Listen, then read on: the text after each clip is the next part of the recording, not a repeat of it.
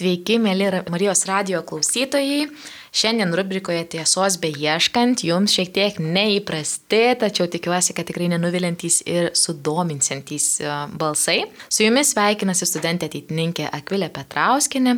Kartu su manimi laidą ves studentas ateitininkas Arnas Jasinskas ir dar turime porą įdomių pašnekovų, kuriuos pristatysime visai netrukus. Tačiau pirmą norėčiau pasakyti, tai apie ką šiandien rubrikoje Tiesos beieškant kalbėsime. Ateitininkai kalba įdomiamis temomis ir nori tomis temomis dalintis ir su Marijos radio klausytojais, todėl kartą per mėnesį kviesime jūs kalbėti teisingumo kurso temomis. Teisingumo kursas yra Harvardo universiteto profesoriaus Michael Sandel sudėliota programa, kurioje jis kartu su studentais analizuoja teisingumo temas, analizuoja moralinius klausimus, įvairias e, teisingumo teorijas ir kitus aktualius klausimus, kurie mums padeda, padeda suprasti, kas yra teisinga, kas nėra teisinga, koks elgesys yra laikomas geru, ar yra kažkokios išimtis, kai tai, ką galbūt laikytume blogiu, būtų pateisinama ir panašiai. Klausimai tikrai įdomus, jie net turi, galim sakyti, vienareikšmio atsakymų, nes daugybė filosofų jais uh, diskutuoja jau ne vieną šimtmetį, tačiau vis prie jų sugrįžta. Bet tai, kad neturime vieno vienintelio atsakymo, tik įrodo, kokie tie klausimai aktualūs ir kaip svarbu mums jais kalbėti, kad galėtume plėsti savo akiratį, turėti argumentų ir vadovautis ne tik širdimi, bet ir protų. Kaip ir minėjau, šią laidą girdėsite kartą per mėnesį. Kviečiu a, sekti mūsų socialiniuose tinkluose, Facebook puslapyje Ateitininkų federacija. Ši laida yra įrašyta iš anksto, tačiau kitas laidas organizuosime gyvai tam, kad ir jūs galėtumėte įstraukti į diskusijas, tam, kad ir jūs galėtumėte pasisakyti šiais klausimais, nes tikiu, kad pasisakyti jais tikrai tikrai norėsite. Taigi, kaip ir minėjau, šiandien prie mikrofonų su manimi yra studentas ateitininkas Arnas Jasinskas ir turime du pašnekovus, labai kietus riešutėlius, nes uh, turinčius šiek tiek nuovokos filosofijos klausimais, jeigu taip kukliai galiu pasakyti. Tai vienas iš jų yra studentas ateitininkas Matas Banzevičius, vadovų katalikų teologijos fakulteto studentas. Labas, Matai. Labas. Ir kartu su mumis yra Europos skautas, filosofijos magistrantas VAU universitete Augustas Kalinauskas. Labas, Augustai. Labas, Akvilė. Taigi, tikrai turim neblogą kompaniją įdomioms diskusijoms Ir šio formato ypatybė yra tame, kad mes analizuosime hipotetinės ir realiai istorijoje įvykusias situacijas ir nagrinėsime, kaip juose asmo galėtų pasielgti teisingai arba neteisingai, ką mes laikome tinkamų sprendimų ir ką laikome netinkamų. Tik pradėsim labai paprastos, daugelį tikriausiai girdėtos istorijos su geležinkelio bėgiais. Įsivaizduokite, kad traukinio vagonas važiuoja geležinkelio bėgiais ir jūs esate mašinistas. Ant kelio dirba penki darbininkai. Ir jūs matote, kad niekaip nespėsite laiku sustoti, jie niekaip nespės pasitraukti. Tai reiškia, jeigu jūs nieko nedarysite, tikrai juos atsitrenksite ir tikrai visi penki darbininkai žus. Jūs raunatės plaukus nuo galvos, atrodo, kad per 3 sekundės pražilote ir staiga pamatote, kad yra gretutinis keliukas, ant kurio dirba vienas darbininkas. Ir jūs spėtumėte pasukti svirti ir pasukti į tą kitą kelią ir vietoj penkių darbininkų galėtų žūti tik vienas. Ar pasuktumėt svirtį ar ne? Matai. Kaip ir dauguma šitų klausimų, aišku, taip. Kodėl? Nes vien, nu, daugiau gyvybių yra, nu, negaliu sakyti, vertingesnės, bet šiame scenariuje tikrai to vieno auka yra žymiai vertingesnė negu tie penki paukoti išgelbėti vieną. Kadangi mes nežinome jokių kitų charakteristikų apie tos žmonės, kad jie tiesiog darbininkai, eiliniai darbininkai, tai žinoma, matematiškai netgi labiau apsimoka aukoti vieną negu penkis. Užsiminė apie charakteristikas. Tai jeigu žinotum, kad tas vienas yra labai doras šeimos žmogus, išlaikantis savo penkis vaikus, o likę penki yra, nežinau, seksualiniai nusikaltėliai atidirbantys uh, už savo bausmę ir panašiai, ar tai keistų tavo sprendimą? Jeigu nebūčiau katalikas, tikriausiai pakeistų. Uh, bet uh, šituose scenarijuose tai dažniausiai yra pagrindinis faktorius, kuris keičia. Tai jeigu va, taip apsiverstų, svarstyklės, manau, taip. Tada pasirinktum tos penkis. Taip, nu, čia taip išnekant nuo širdies tikriausiai. Augustai, grįžtam prie tos pirminės situacijos, nieko nežinau apie esmenis, penki arba vienas, važiuoja link penkių, ar nusuktum link to vieno? Aš labai nenorėčiau daryti to sprendimo. Bet esi mašinistas ir tu negali Bet, tiesiog užsimerkti.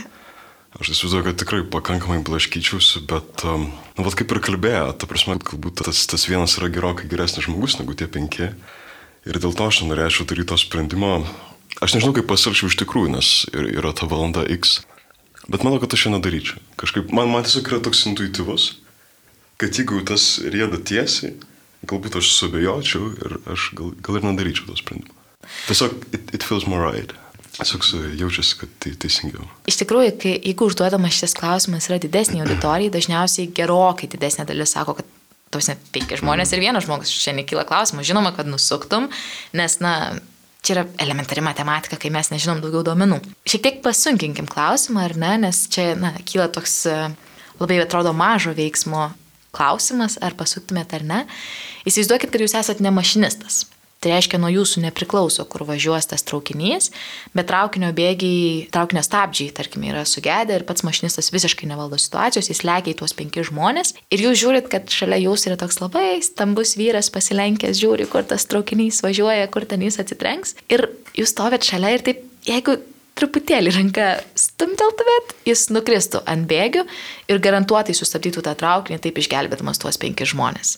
Stumtumėt ar ne? Ne gerokai užtikrinčiau, ar ne, negu su tuo mm. pirmoju atveju. Be abejo. Kodėl? Nes vėl nedarai veiksmo. Ta prasme, tai, kad tu kažką padarai, tas tu jau aktyviai įsitrauki. Bent jau man taip atrodo. O nes tas žmogus kaip ir, kaip yra nekaltas, ne, jis tiesiog yra iš išorės. Na, bet darbininkai irgi nekalti, jie tiesiog dirbo ant tų bėgių, nes toks jų darbas. Ja, bet tavo aktyvus veiksmas tu gali morališkai vertinti. O jeigu veiksmo nėra, tai ir negali vertinti. Bet kaip mašinistas tu irgi atlieki aktyvų veiksmą, nes traukinys tai važiavo tiesiai, jo maršrutas yra tiesiai ir tu pasirinkai tai va, nusukti į tą vietą. Tai va dėl to aš ir nenorėjau rinktis nusukti ir nesirinkau mm. nusukti. Gerai. Tiesiog, kad nepadaryti veiksmą. Matai, kaip tau, stumteltum tą žmogų šiek tiek ar ne? Aš esu girdėjęs šitą klausimą anksčiau ir aš labai ilgai e, galvojau, ar verta žmogžudystė tavo padaryta, kad išgelbėt kitus penkis. Man atrodo, vėlgi yra ta savoka mažesnis blogis.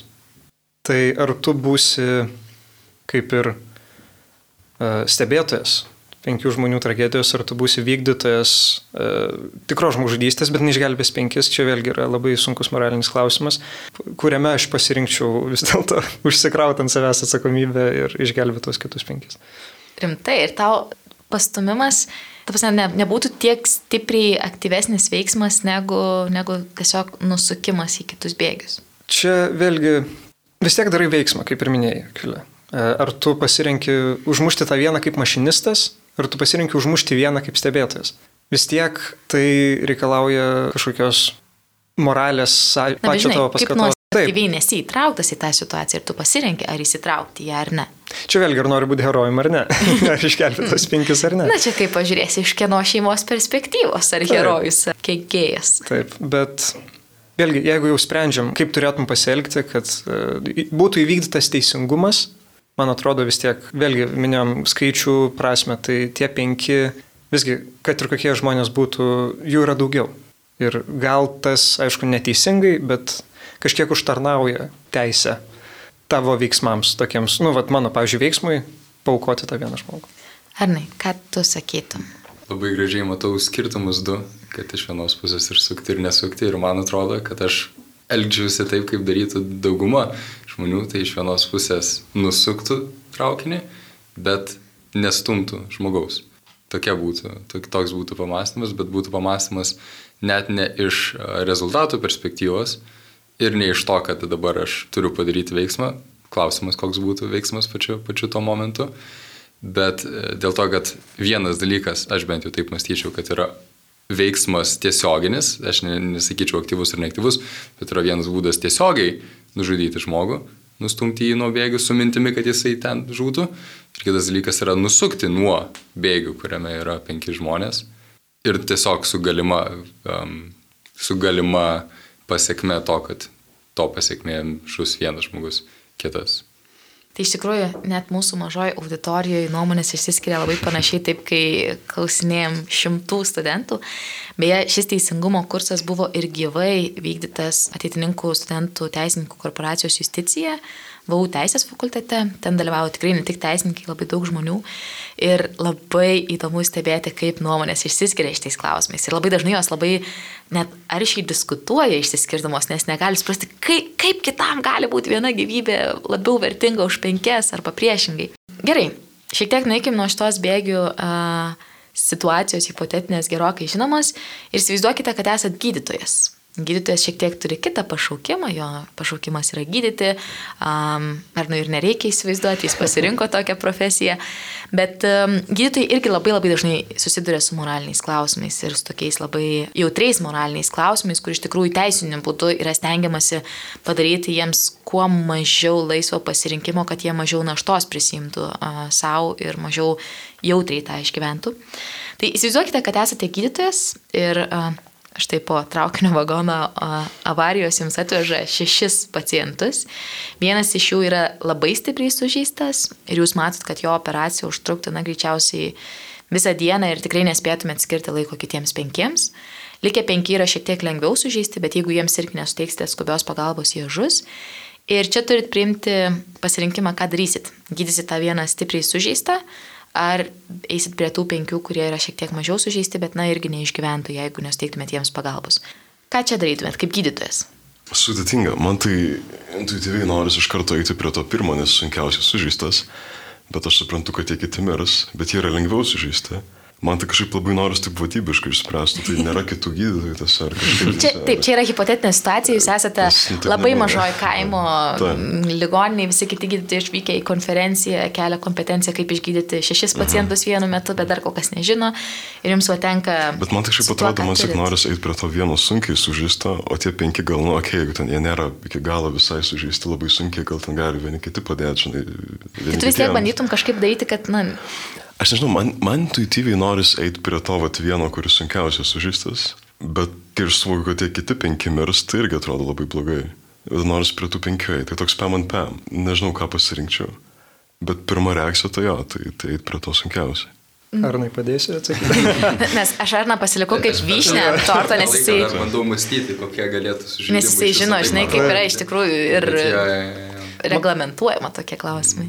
Mano vėl eilinį kartą išsiskirs atsakymas, nes reikia e, diskusijos. Mano koks būtų pasiteisinimas, na, nepasisekė. Žmogus ir taip sunkiai sužeistas, e, bet kokiu atveju, aišku, jeigu jam padės, jis išgyvens, bet e, yra kaip yra. Yra kiti penki, kurie, kurie mažiau nepasisekė. Tai vėlgi rinkčiau tuos penkis, vėl ir dėl skaičių, ir dėl to, kad moralinis pasiteisimas lengvesnis dėl to sunkiai sužįstojo. Ką tavo širdis sakė? Aš iš pradžių pamačiau, kad po traukinio avarijos yra šita dalis, tai aš galvoju, ar šitas pats e, variantas, kada pasirinko mašinistas padaryti šonaslydį, per abi juostas padaryti ir tik tai užkabinti šiek tiek labiau vienus arba kitus. Čia tas atvežė. stambus vyras e, susvirduliavo, bet susvirduliavo jau pravažiavus vagoną. Ir jau kažkaip, bet jam čia sunkiausiai matyti dabar yra, tai jisai turėtų daugybinę kokią traumą ten nuo, nuo, nuo kritimo ir jam matyti ir skubiausiai reikėtų to gydimo ir, ir galėtų ilgiausiai ir, ir užsilikti. Na nu, gerai, čia, čia kaip čia realybė grįžtant, tai realiai tam yra visi algoritmai, kaip, kaip ir pati sakėjai, vadinamas tas triažas greitajame prieimimo, greitojo prieimimo skyriuje. Ir tam tikrai reikia dar daugiau duomenų, kad galėtum pasakyti, kuriuos pacientus pirmiausiai gydai, kuriuos, kuriuos, kuriuos vėliausiai. Tie, kurie būna sužeisti lengviau, bet kaip čia, jeigu yra vienas tarkim, stiprus krujavimas, tai čia gal tai galėtų tikti. Nes iš pradžių jų tas gydimas nėra ilgas, bet jisai turi būti skubus. Tiesiog už nu, arteriją ar kokią šiaip krūjagislę už... Na, čia jau tokios subtilybės. Aš dabar jo, jos. bandau į tą pusę gal vesti, kad tam daugiau reikėtų informacijos, galėtum tokį tikrą sprendimą padaryti. Bet bendrai paėmus, tai yra toks dalykas kaip mėlyna arba juoda, ten skirtingose vietose būna vartojama spalva tame triažė, kur reiškia, kad pacientas yra per daug sužalotas, tai gali reikšti ir tai, kad tiesiog ne, ne, nebeturi jau pažeidimai nebesuderinami su gyvybė, arba kad jo gydimas būtų tiek neracionalus, kad jisai apsunkintų visų kitų gydimą. Ir tokiu būdu pats gydytojas gali leisti savo negydyti to paciento tam, kad būtų, būtų išgelbėta daugiau, daugiau kitų pacientų. Tai mano būtų širdis atlinktų prie to vat, mėlyno. Širdis pasinaudotų tuo pateisinimu, jo, jo, jo, prie, gydytojams. Prie, prie šito, mhm, mm. prie, prie to triežavimo tipo ir tiesiog paliktų tą ir žiūrėtų. Jo, nes iš tikrųjų šitas algoritmas ir buvo viena vertus sukurtas tam, kad nekiltų ne tik vidinės dilemos pačiam gydytojui, nors, na, jinai tikrai yra neišvengiama, nes bet kokia atveju tu turi priimti sprendimą ir netgi jeigu žinai tos algoritmus vis tiek nuo tavo vertinimo priklausys, kokius būtent sprendimus priimsi, bet kartu tai yra tam tikras uh, palengvinimas tam, kad uh, na ir nejaustų kaltinimo iš, tarkim, artimųjų, iš kolegų, iš dar kažko, kad turėtų šiek tiek tokių saugiklių, kurie leidžia kažkiek racionalizuoti, atrodo, tą sprendimą, ar ne? Um, gerai, um, turėjom tokių ganėtinai skirtingų nuomonių, bet, na, čia su sužeistais žmonėmis tai vienas sprendimas, šiek tiek vienaip sprendžiama. Man atrodo, visada labai jautrus klausimas yra su donorystė. Įsivaizduokim, kad lygiai taip pat turim penkis sunkiai sergančius pacientus, kuriems reikia transplantacijos, kitaip jie neišgyvens ir jiems jauna tokia stadija, kad čia ir dabar arba transplantuojam, arba atsisveikinam ir sustiksim amžinybėj kažkada. Įsivaizduokim, kad turim tokius penkis pacientus, jiems visiems reikia skirtingų organų ir staiga pasižiūrim, o stebuklę, gretimoje palatoje turime sveiką jauną vyruką, kuris atėjo pasitikrinimui sveikatos ir jisai yra tobulas recipientas visiems. Ar jums kaip gydytojai kiltų ranka sakyti, gal verta paukoti tą vieną pacientą sveiką tam, kad išgelbėtume penkis, kuriems skubiai reikia organų transplantacijos ir matom, kad kitaip jo, jie jos niekaip negaus? Matai, gal nori pradėti? Aš čia, man atrodo, savo suprieštarausiu savo atsakymu. Nes prieš tai sakiau, kad e, paukočiau vieną už penkis, dabar e, linkčiau nekelt rankas prieš tą jauną vyruką. Nes, na, nu, kaip tai argumentuočiau, bet man tiesiog iš vidaus, va, galima sugrįžti prie to, paminėjom, kad traukia žmogų labiau tas, e, labiau sužeistas žmogus jam padėti. Tai man atrodo, iš to vietų irgi man kažkaip tas moralinis kompasas krypsta į tą pusę, kad jisai tobulas recipientas ir yra penki donorai, aš kažkaip iš vidaus man tiesiog sako, kad neverta žudyti būtų, kad penki ligoniai išgyventų. Ir čia sakau, aš puikiai matau, kad prieštarauju savo supraito atsakymu, bet taip jaučiuosi dabar. Aš išlaikysiu savo liniją šitoje vietoje, tausia man irgi labai nesinori eiti ir nužudyti tą žmogų, kuris sako, kad jis užmėgęs ten ramiai miega, tau vienas širkštukas ir turi ja, penkis organus. Ja, ja, bet, bet, bet žinai, man tai visiškai tas pats, vat, kaip ir su trolley problem, tiesiog, kad, nu, vat, tu padarai sprendimą. Tasa, ir kai tu padarai, tai jis jau tikrai yra moralus arba ne, o čia yra labai aiškus, kad nužudai žmogų. Tiesa, tai, nu, jeigu kitose vietose mane buvo, tai aišku, tai čia labai aišku, kad, nu, nepapjaučiau aš to žodžio vir, virgo, kuris išėjo. Taip pasitikrinti. Atėjo tiesiog pasitikrinti sveikatą ir buvo labai sveikas. Gerai, ar ne? Yra net principas, kurį pirmo kursė išmoks, medicinos išmoksta pirmam kursė žmonės, gal tai dažniausiai kaip latiniška sentencija girdima primum non nocere, tai reiškia pirmiausiai nepakenkti. Ir tai yra bazinis, realiai, nuo tiek, kiek medicina egzistuoja, tiek ir šitas principas galioja. Jį, jį galima įvairiai vertinti, bet tai, nu, svarbiausia reiškia, kad tiesiog pacientas turi visų pirma teisę, kad jam gydytas nepakenktų, kada jisai ateina. Atrodo savaime suprantama, bet šitose vietose, šitoje vietoje tai tiesiogiai parodo, kad ir galima sakyti esminį skirtumą tarp, tarp praeito ir šios situacijos, kad praeito vietoj gydytojas tam tikrą prasme pakenkė tam vienam pacientui, kuris yra baisiai sunkiai sužalotas, bet nepadaro to tiesiogiai, nes tiesiog negali, neturi tam, tam racionalių gebėjimų to padaryti. Šiuo atveju pasimti tai būtų aktyvus įsitraukimas ir tiesioginis pakenkimas vat, jaunam pacientui, kuris visiškai to neturi nusipelnę teisės. Man atrodo, mes prie to darys, bet net ir jeigu pats jaunas pacientas pats pasiaukotų, pats sakytų, kad jisai dabar nori atiduoti tos organus, irgi realiai tas principas neleistų pacientui, gydytojui tiesiog pasimti ir nužudyti pacientą tam, kad... O jeigu jis pats nusižudytų? Tada, matyt, leistum, jeigu jis dar prieš taip turėtų šitą. Matas, matau, nori papildyti. E, ne tiek papildyti, aš gal dabar taip labai greitai sugalvoju argumentą savo pasirinkimui. Man atrodo, kadangi tai yra hipotetinės situacijos, bet vis tiek išlieka vienas toks bendras rodiklis, kiek tu turi laiko padaryti sprendimui. Ir va, ką dabar išmaščiau, kad man atrodo, mano sprendimui daug e, davė svorio tas, kad kiek yra laiko. Nes kai važiuoja traukinys, tu turi sekundės trukmės vos nepadaryti sprendimą, kuris, pavyzdžiui, išgelbėtų penkis arba paukotų vieną, arba išgelbėtų vieną, paukotų penkis, arba su to donorų klausimu. Tai man atrodo, man pasąmoniškai kažkas sako, kad su donorais yra daugiau laiko ir gal atsiras tikras donoras, bet vat, toks mano, to, tokios mano protinės gimnastikos. Tai tu išskiri tą beviltiškumo situaciją, kad kai tu esi beviltiškoje situacijoje ir supranti, kad bet kuriuo atveju bus kažkokia žala, tai tada tiesiog žiūri matematiškai, o jeigu tu turi kažkokią situaciją, kurio bent menkiausia viltis, tai viltis visada yra geriau už neigiamą kažkokį sprendimą pasirinkimą. Geriau pats nebūčiau pasakęs, taip. Gerai. Ir mes iš tikrųjų iš to perinam į tai, tai kokie moraliniai principai išriškėja analizuojant šias situacijas. Nes mes matom, kad kalbėdami mes pastebim vieną dalyką, tai pirmas, ar tu turi aktyvų pasirinkimą ar ne, tai tarkim, ar ne kaip su traukiniu, jeigu jis važiuoja, jis vis tiek kažką nužudys, tik tu pasirinki skaičių. Kitu atveju, kai tu nesi aktyvus dalyvis, tu pasirinki ar įsitraukti tam, kad tu padarytum galimai, tarkime, mažesnį blogį, nors čia irgi dar galėsim padiskutuoti iš skirtingų filosofinių požiūrio taškų. Bet jo, vienas iš tų klausimų ir kyla, ar tai yra neišvengiama kažkokia blogybė, ar tai yra tavo aktyvus įsitraukimas tam, kad sumažintum tą blogybę. Ir kitas dalykas yra, ar pateisina kartais blogą tavo elgesį kažkoks sprendimas ar ne.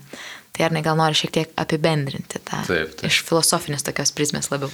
Yra keli moraliniai principai, kurie ir dabar išsireiškia mūsų šitoj diskusijai.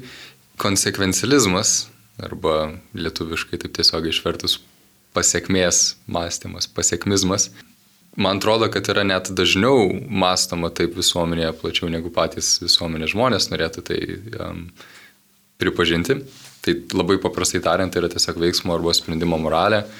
Jos vertė moralinė turėtų būti vertinama grinai pagal pasiekmes kad e, galiausiai nėra tokio dalyko kaip kažkoks teisingas ar neteisingas veiksmas, galima pasakyti, kad veiksmas buvo teisingas arba neteisingas tik pagal tai, kokias jisai pasiekmes, kokius rezultatus jisai sukėlė.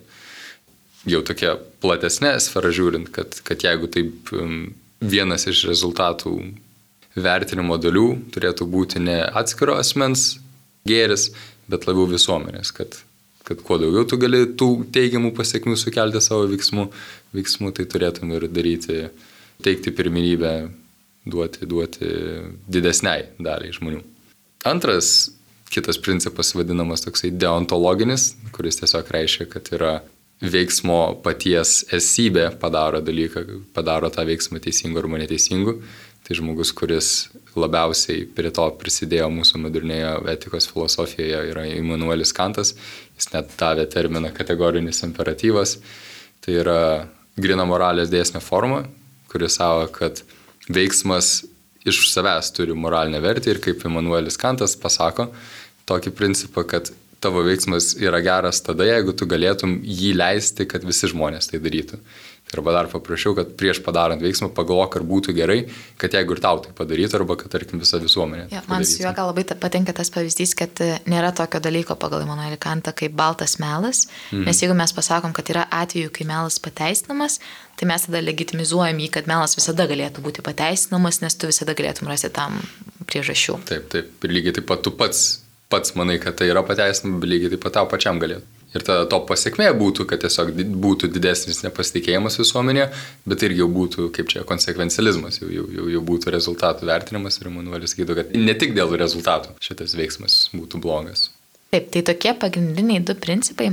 Man dar visada e, čia norisi šiek tiek pažiūrėti, o ką katalikiškas požiūris šito klausimu sako, bet prieš pradant kalbėti apie tai, priminsiu, kad jūs klausotės rubrikos tiesos beieškant. Su jumis šiandien yra studentai ateitininkai Akvilė Petrauskinė ir Arnas Jasinskas. Ir šiandien labai džiaugiamės turėdami du tikrai puikius pašnekovus, kurie uh, daug gerų idėjų mums uh, suteikė, tai yra Matas Bandzevičius, vadovų katalikų teologijos fakulteto studentas ir studentas ateitininkas, bei Augustas Kalinauskas, Europos skautas, filosofijos magistrantas VAU universitete. Taigi mes jau iš pirmojo to pavyzdžio matom, kad jeigu žiūrėtume teoriją, ar ne, ką filosofai įvairūs masto jau kelias šimtmečius ir panašiai, jie irgi neranda tokio vieno kaip ir atsakymo, nes gan skirtingus uh, požiūrio taškus ima ir gan skirtingas prielaidas kelia.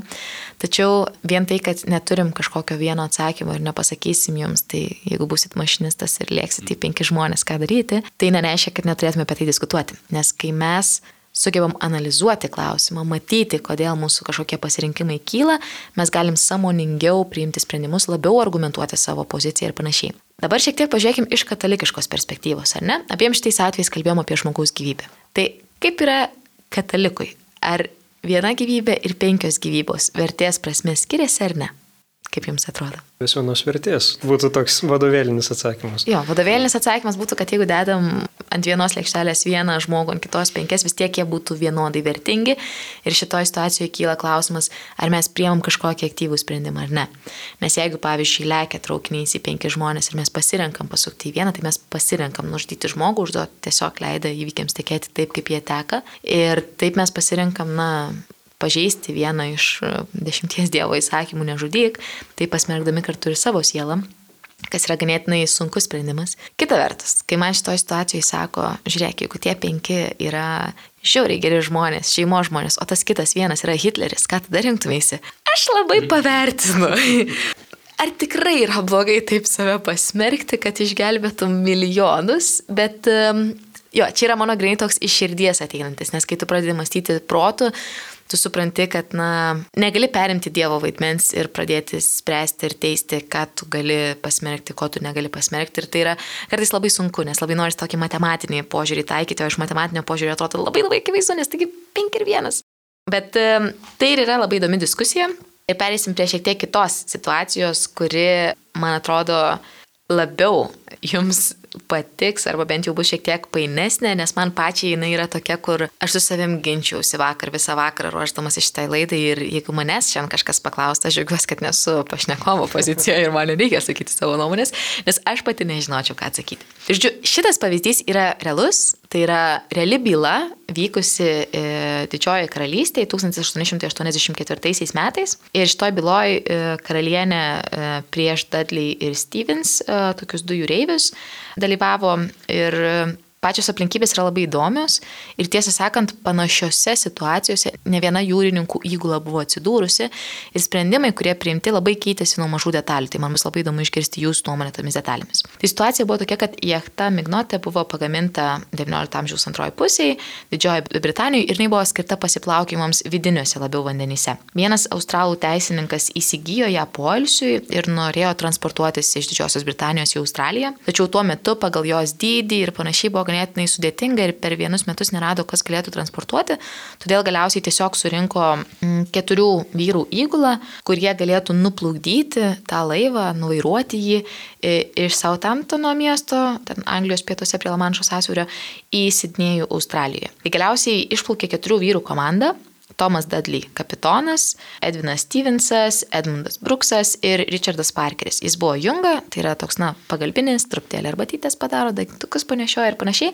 Ir jis buvo labai labai jaunas, jam buvo vos 17 metų, jis buvo visiškai nepatyręs jūrininkystėje, našlaitis, neturėjo jokių žinių, kur jis eina ir kodėl eina, tiesiog norėjo vaikas keliauti į nuotykį. Ir žodžiu, jie išplaukė, Ir Liepos 5 dieną pateko į audrą, maždaug 2600 km iš šiaurės vakarus nuo gerosios vilties kyšulio.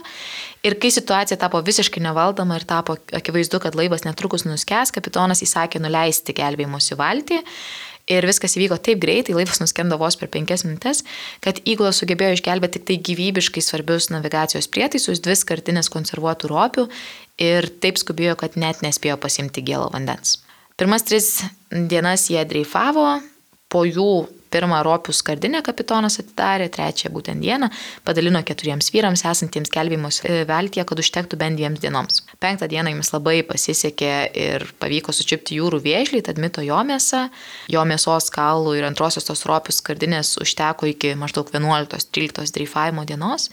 Lietaus visiškai nebuvo, tačiau reiviai niekaip negalėjo gauti gėlo vandens ir tas juos labiausiai silpnino. Ir maždaug 9 dreifavimo dieną jie pradėjo gerti savo šlapimą O apie Liepos 20 berniukas Parkeris pradėjo gerti jūros vandenį, nors likę įgulos nariai jį labai įspėjo, kad tai pavojinga, kad jis susirgs ir tai gali būti netgi mirtina, tačiau jis neklausė, nepaisė, kaip ir minėjau, buvo nepatyręs, todėl vis tiek geria jūros vandenį. Ir galiausiai jis susirgo, ganėtinai sunkiai jau merdėjo ir 17 dreifavimo dieną tarp e, vyresnių labiau patyrusių jūreivių kilo diskusija, kad e, gal reikėtų traukti burtus ir pralaimėjęs įglos narys būtų paukotas kitų labui, kad jie galėtų išgyventi, tai yra turėtų komisti ir galėtų ten kraują gerti, iki kol bus išgelbėti. Tačiau tai taip ir liko diskusija, nes vienas iš tų trijų vyrų labai priešinosi. Dar už dviejų, trijų dienų kapitonas Dadlis jau linkčiodamas galvą į merdėjantį parkerį pradėjo kalbėti, kad gal Vienas iš įglos narių tiesiog turėtų būti e, paukotas, kad išgyventų kiti. Bruksas, tas, kuris ir pirmą kartą diskusijoje nelabai norėjo dalyvauti, atsisakė. Ir todėl Dadlis jau tik tai su likusiu komandos nariu Stevensonu pradėjo kalbėti irgi šią temą, nurodymas, kad, na, Parkeris vis tiek miršta ir kad e, jis ir Stevensas turi šeimas, žmonas, vaikus, kuriuos turi išlaikyti. Todėl, na gal verta būtų paukoti tą parkerį, vargšą našlaitį, kurio niekas nelaukia ir nuo jo niekas nepriklauso, tam, kad jie galėtų išgyventi. Tuo kart jie dar nusprendė palaukti iki ryto, na gal kažkokia viltis bus, gal kažkas juos išgelbės. Ir kitą dieną vis dar laukdami išgelbėjimo, Dudlis ir Stevensas vis tik tai pranešė vienas kitam, kad parkeris bus nužudytas. Nes jeigu jie nužudys jį, tai galės gerti jo kraują, jis nebus užtertas, tačiau jeigu jis mirs savo mirtimi ir tik tada jie pradės maitintis juo, tai negalėtų gerti kraujo, jiems vandens stygius buvo vienas didžiausių iššūkių. Ir Dadlis sukalbėjo maldą, kas beje jų teismo byloje buvo labai labai svarbus faktorius. Ir Stevensui stovint, kad, na, sulaikytų jaunuolio kojas, jei jis priešintųsi, dūrė peiliu į Parkerio jungo veną ir taip jį nužudė.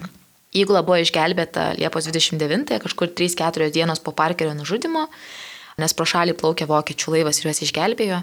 Ir jeigu pažiūrėtume tuo metinio kapitono dienoraštį, jis rašė, kol pusryčiavome, pastebėjome laivo burę ir buvome išgelbėti. Tai tas irgi šiek tiek tokio šaltumo jo jausmams sukėlė, bet pati situacija yra tokia, kad žmonės medėjo, jie labai ilgą laiką praleido jūroje, 29 netgi dienas.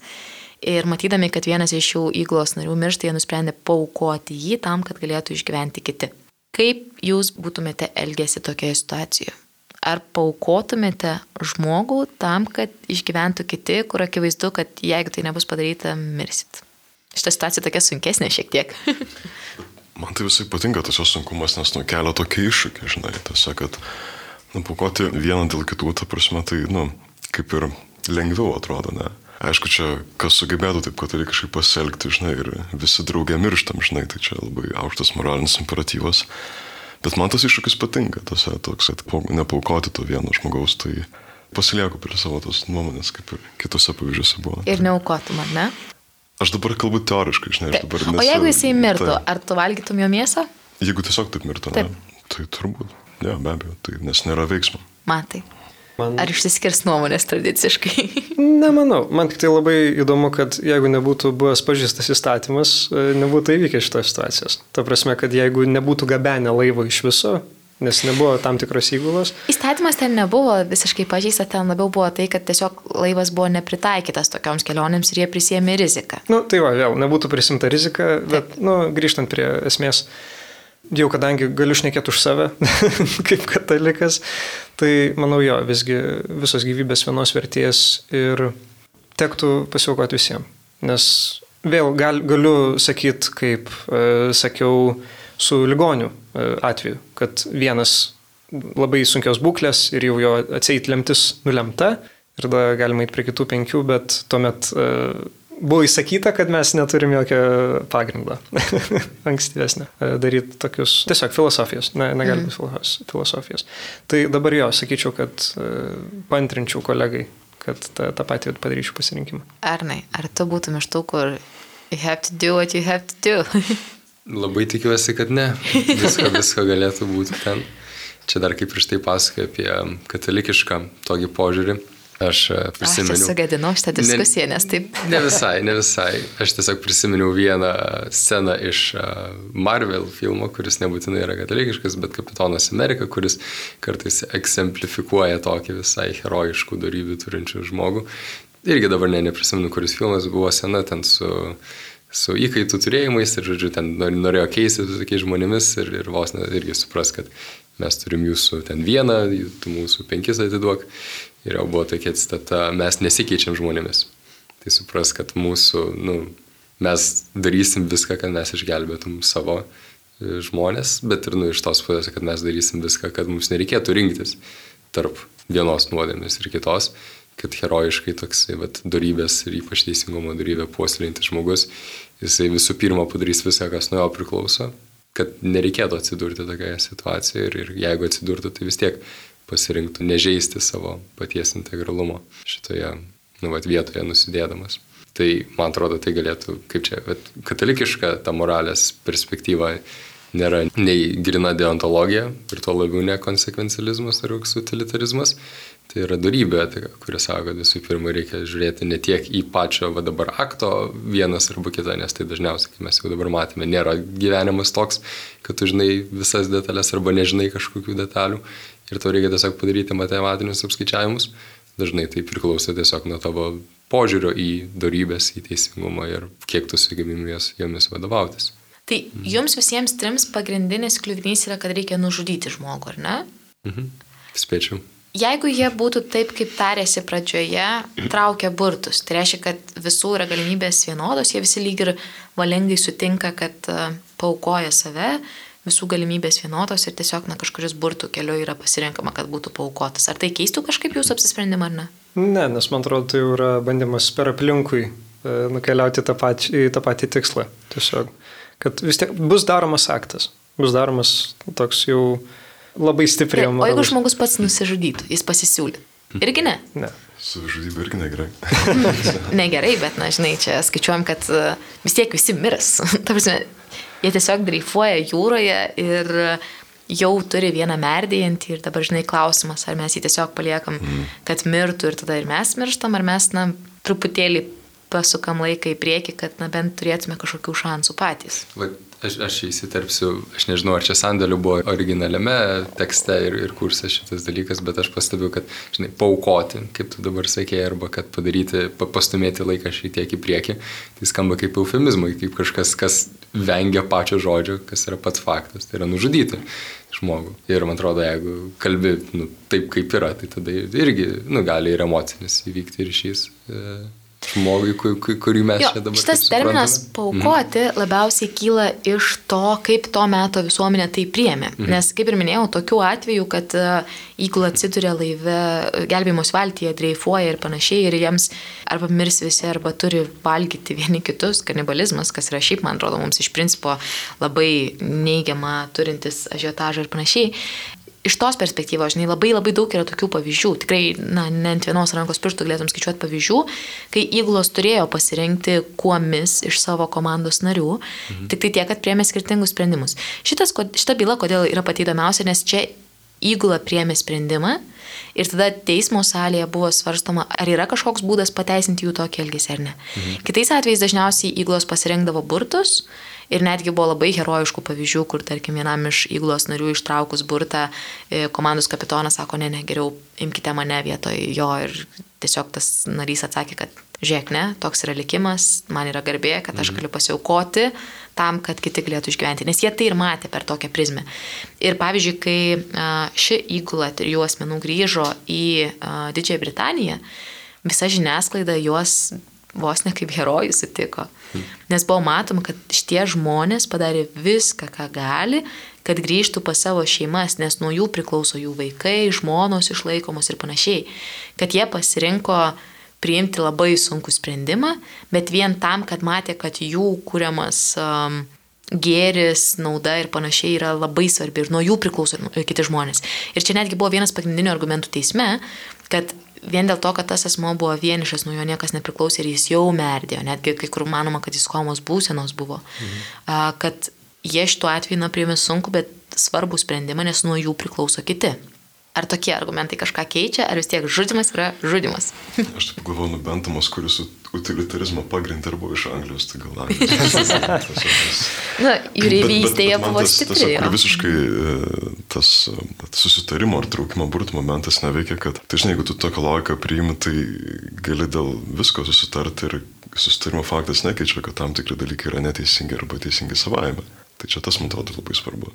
Mhm. Nes taip tu gali viską sutarti, žinai. Ir... Bet matai, čia gal man atrodo neišvengiamybės dar yra aspektas, nes kai tu esi laive po avarijos ir, tarsi, čia yra klausimas, ar išgyvensit visi, ar, ar niekas neišgyvens, tai čia yra neišvengiamybės dar šioks toks aspektas, kad tu turi pasirinkti, ar leidi mirti visiems, ar ieškot kažkokio sprendimo, kaip, na, ne visi pasieks laimingą pabaigą, bet kažką išspręsit. Tai čia klausimas, ar kontekstas keičia patį veiksmą, žinai, tai aš laikausi to, kad, nu, nekeičia, žinai, nesvarbu, koks kontekstas, vis tiek, nu, nemoralu būtų, žinai. Mm. Ar jums kontekstas keičia kažką ar ne? Keičia teismo salėje, tai faktas. Bet tiek, kiek jie turėtų už tai atsimokėti tada savo, savo, savo dalyje. Jeigu dabar neklystu, tai e, Dudley kapitonas gavo šešių mėnesių laisvės atimimo bausmę ir 20 dolerių baudą. Bet, nu, čia laikai truputėlį kiti, tai uh, jo, tie 20 dolerių visai daug buvo. Bet šiaip jie buvo labai palankiai priimti ir jų elgesys buvo labai pateisinamas toj plotmėje, nes tiesiog buvo kalbama apie neišvengiamybę ir apie tas visas aplinkybės. Tai žodžiu, mūsų laikas jau labai labai eina į pabaigą, paskutinę sekundę stiksi. Šiame klausime šiek tiek gal paliekame jūs kaboti tam, kad galėtume plačiau aptarti kitoje laidoje.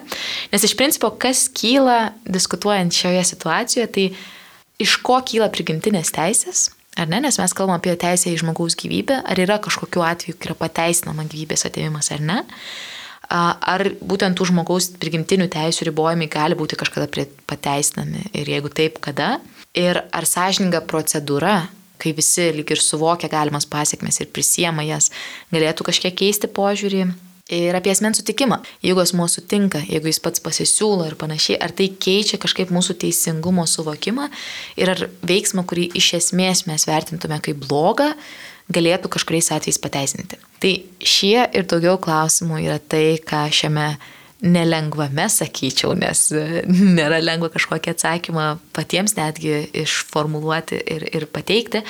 Bandysime diskutuoti su jumis, mėly Marijos radio klausytojai. Šiandien rubrikoje Tiesos beieškant girdėjote studentus e, ateitininkus Akvilę Petrauskinę ir Arną Jasinską. Kartu su mumis už mikrofonų yra Matas Bandzevičius, vadovų katalikų teologijos fakulteto studentas ir studentas ateitininkas ir Europos skautas Augustas Kalinauskas, filosofijos magistrantas VAU universitete. Taigi, kitose laidose sieksime, kad įsitrauktumėte ir jūs, kviesime jūs balsuoti šiose situacijose, nes jūsų nuomonė mums irgi labai įdomi, kad galėtume dar įdomiau ir giliau panalizuoti tai, kas yra teisinga, kas yra neteisinga, ar yra kažkokių išimčių, kai mūsų suvokiamas gėris gali būti pakreiptas viena ar kita kryptimi. Ačiū, kad klausėte, gražios jums likusios dienos ir nepamirškite sekti ateitininkų Facebook puslapį Ateitininkų federacija, ten pasidalinsime daugiau išvalgų šiomis temomis, kviesime jūs diskutuoti ir taip plėsti savo suopratį. Iki. Sudė. Visam.